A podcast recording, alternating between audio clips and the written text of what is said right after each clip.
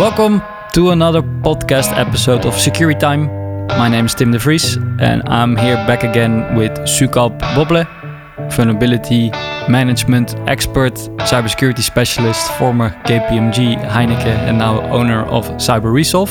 Great to have you back, Sukalp. Thank you, Tim. Good to be here again. We talked uh, the last episode about the importance of vulnerability management. Firstly, what is it? And the trends you're seeing an explosion of 35%, according to IBM, in uh, amount of vulnerabilities. Fascinating to see it's still a subject 20 years later, but still a very important topic to uh, reduce risk and make uh, companies, organizations, and uh, society a safer place. We finished off the last podcast discussing what the differences are between vulnerability management, vulnerability scanning, and we wanted to discuss this podcast also another topic which is closely related to vulnerability management penetration testing.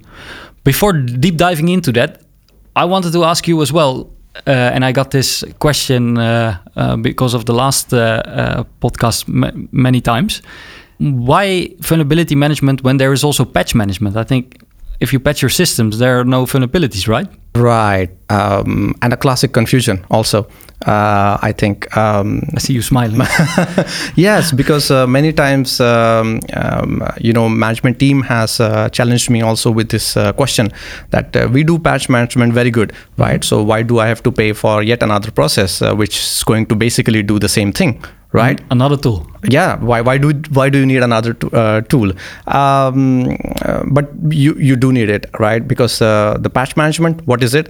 It's uh, it's a process where you uh, uh, fix an issue uh, a functional issue or a security issue in a software or a firmware by uh, installing an additional piece of uh, well software right? Mm-hmm. so that that's basically the patch management. And uh, we have uh, uh, patches being released from microsoft on every second tuesday the patch tuesday right? And then um, these patches are installed There's, there are most of the time standard process to install these patches. So everything should be fine yeah. Right.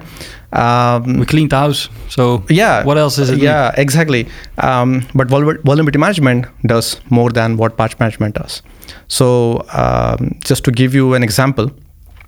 Um, just because uh, your software is up to date um, from the patching point of view uh, doesn't mean that uh, you are not vulnerable. Mm-hmm. Um, right? You might have an uh, a uh, some ports open, um, which can um, be risky for your organization. Yeah. And the vulnerability management or vulnerability scanning um, uh, helps you identify such uh, inadvertent port, open ports or um, a software feature can be um, exploited by the attackers to take advantage of it and to hack your system, yeah. right? So vulnerability scanning um, does find these issues and you know provides you a recommendation mostly to how to fix these things and uh, that's why you need an additional um, layer of uh, security to uh, ensure that uh, you know you are not vulnerable.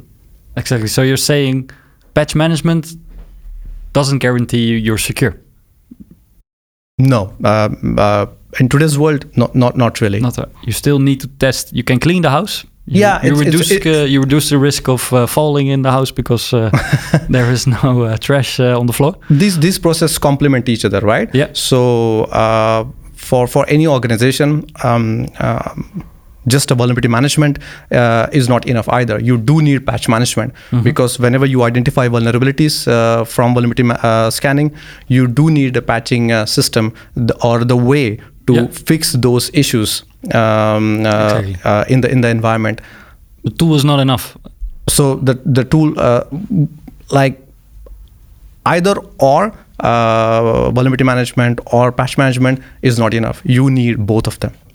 Thank you for um, reducing the confusion and explaining the difference between vulnerability management, patch management, and vulnerability scanning to add uh, another layer of confusion, uh, confusion in depth.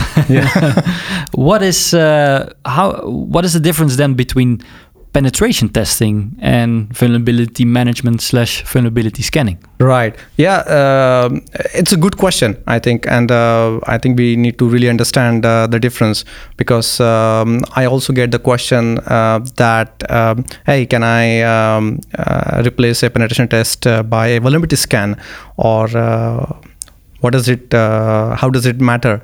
Or how does it differ? And to add to the confusion to it, there is also a new term uh, uh, used by vendors is an automated penetration test. Um, and uh, yeah, and and it is in the hope that uh, oh that will replace a um, the classical manual penetration test, right? Um, I do understand and uh, agree that uh, we have uh, AI and ML, uh, which is uh, helping us t- to automate the parts of penetration testing as much as possible.